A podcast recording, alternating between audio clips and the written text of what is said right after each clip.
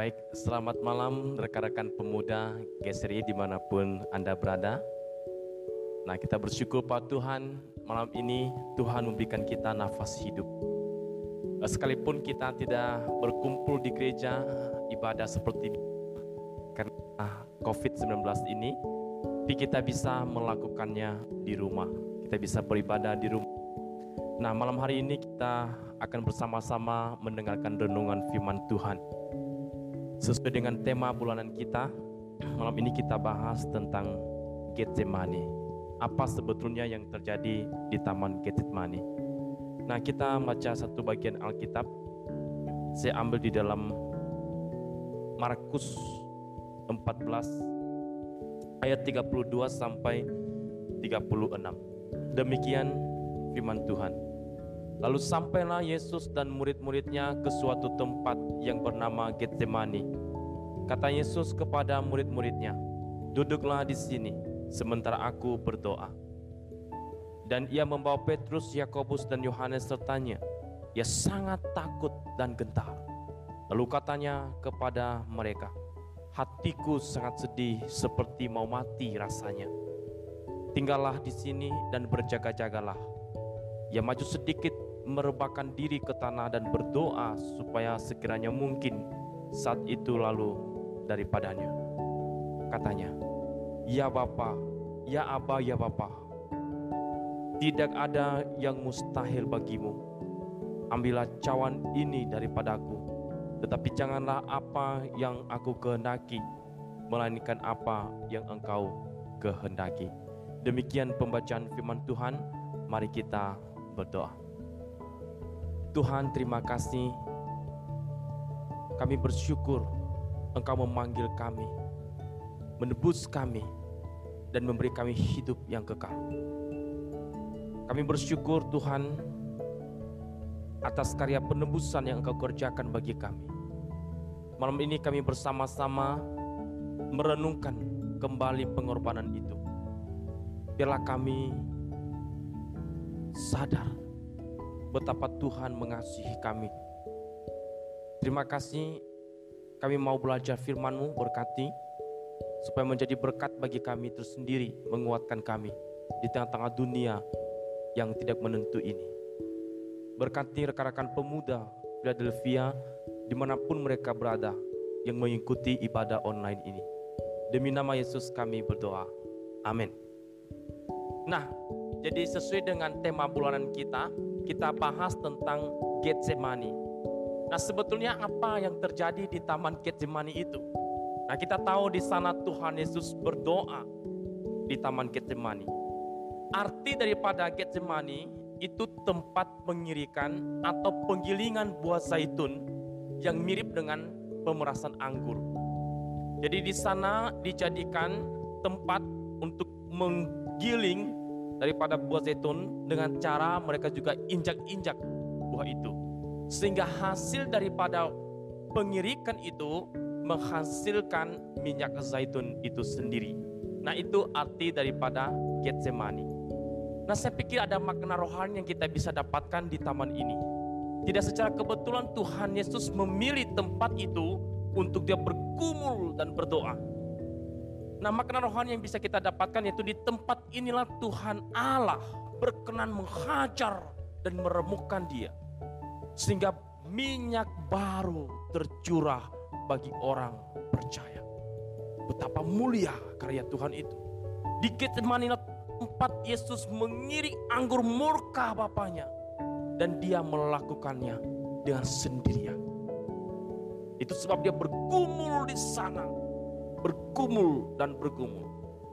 Taman Getsemani adalah saksi mata yang menyaksikan hebat beratnya pergumulan Yesus menuju jalan salib.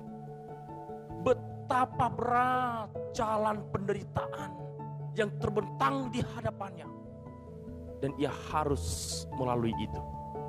Teman-teman yang terkasih di dalam Tuhan persiapan yang dilakukan Tuhan Yesus menuju jalan salib adalah doa. Persiapan Tuhan Yesus menuju jalan salib adalah doa. Dan dia memilih tempat Getsemani. Di sana dia berdoa kepada Bapaknya. Dan kalau kita lihat tadi di Markus diuraikan, dia bergumul, dia gentar, dia takut. Bahkan perasaannya itu terpukul sekali. Seperti mau mati rasanya. Dia berkatanya, ya seperti mau mati rasanya. Dia ketakutan. Secara manusia, dia merasa begitu berat menghadapi itu. Tuhan Yesus melihat apa yang akan terjadi di depannya. Dan dia bergumul dan bergumul. Dia berdoa di Getsemani. Bagi Tuhan Yesus, doa itu bukan sekedar ajaran. Bukan sekedar ajaran, melainkan gaya hidup yang terus-menerus dilakukan. Dan dia sendiri melakukan itu. Itu sebagai persiapannya menuju jalan salib. Berdoa. Artinya di balik doa ada kuasa ilahi yang bekerja. Dan kita tahu setelah Tuhan Yesus berdoa ada kekuatan di dalam dirinya menempuh jalan salib itu. Saudara sekalian, di balik doa tangan yang maha kuasa menopang kita. Dan kuasa ilahi bekerja, sedang bekerja memberikan kita kekuatan. Di saat-saat seperti ini tidak ada lain yang bisa kita lakukan menghadapi wabah penyakit yang mematikan ini, COVID-19 ini. Tidak ada lain yang kita bisa lakukan selain berdoa, memohon belas kasih Tuhan, kiranya menghalaukan wabah ini. Saudara sekalian, Tuhan Yesus sendiri tidak sekedar mengajarkan doa, tapi ia melakukannya sendiri, menjadikannya gaya hidup. Bagaimana perasaan Yesus saat menghadapi salib itu? Lalu kemudian dikatakan, ia merasa sedih, gentar, seperti mau mati rasanya. Solusinya apa yang dia lakukan? Dia berdoa. Dia berdoa kepada Bapaknya. Dan kita lihat isi daripada doa Tuhan di ayat 36. Markus 14 ayat 36. Ya Bapa. Ya Aba, ya Bapa. Tidak ada yang mustahil bagimu ambillah cawan ini daripadaku. Tetapi janganlah apa yang aku kehendaki, melainkan apa yang engkau kehendaki. Dia berkata, ya Aba, ya Bapa, tidak ada yang mustahil bagimu. Allah yang maha besar bisa melakukan apa pun tanpa butuh bantuan. Tetapi Tuhan Yesus mengatakan, ambillah cawan ini daripadaku, tetapi jangan kehendakku, melainkan kehendakmu yang terjadi. Dan itu sebetulnya doa yang begitu baik. Itu sebetulnya kita pada waktu kita berdoa kepada Tuhan. Bukan kehendakku yang terjadi, tetapi kehendak Bapa. Makanya saat berdoa, bukan Tuhan yang berubah, tetapi kita yang diubahkan. Di waktu itu Tuhan Yesus berkata, jangan kehendakku, melainkan kehendakmu. Demikian juga kita berdoa di saat-saat seperti ini. Memohon Tuhan berbelas kasih bagi negeri kita yang sampai data saat ini sudah 1790 orang terinfeksi virus corona ini. Kita berdoa kepada Tuhan. Sekiranya mungkin Engkau berkehendak berbelas kasih menghalaukan wabah ini, engkau bisa. Tapi biarlah waktumu dan kehendakmu yang terjadi. Apa yang kemudian terjadi? Apakah Tuhan Allah Bapa di surga menghalaukan cawan itu? Tidak. Yesus mengerjakan itu sekalipun berat. Permohonan Yesus agar cawan diambil daripadanya menunjukkan betapa hebat penderitaan yang akan menimpa dirinya ketika melalui jalan salib. itu sekaligus memperlihatkan betapa dosa itu mengerikan. Kenapa? Menuntut Yesus mati di kayu salib. Itu harga yang harus dibayar. Saudara sekalian, sedemikian besar harga yang dibayar oleh Tuhan kita Yesus Kristus. Yesus sedang memegang cawan murka Allah yang akan segera ditumpahkan ke atas dirinya. Dia memegang cawan murka Allah. Allah yang murka Allah yang menyala-nyala itu.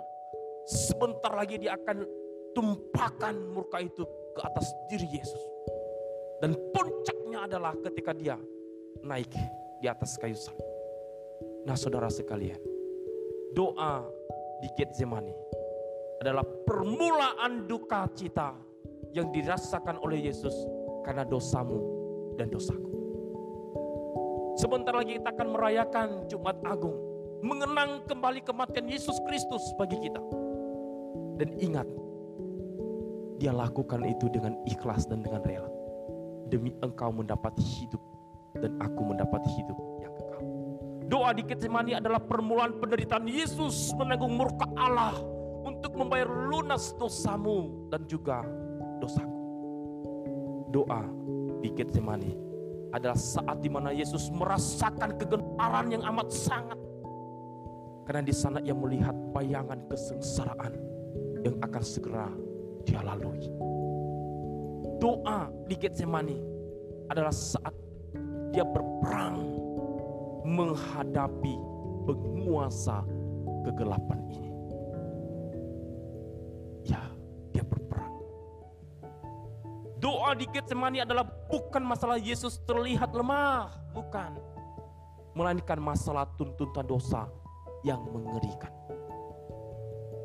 Doa di Taman Getsemani adalah gerbang masuk menuju puncak pelayanan Yesus dan awal pencurahan kasih Allah yang terbesar bagi manusia.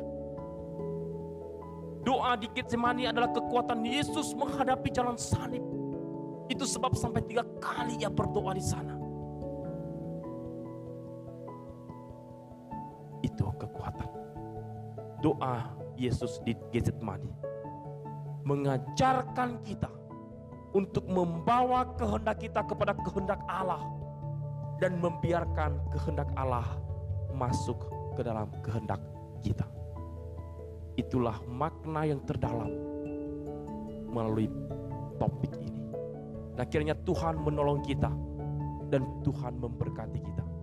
Kita berkata Tuhan, jadilah apa yang engkau kehendaki dalam hidup ini.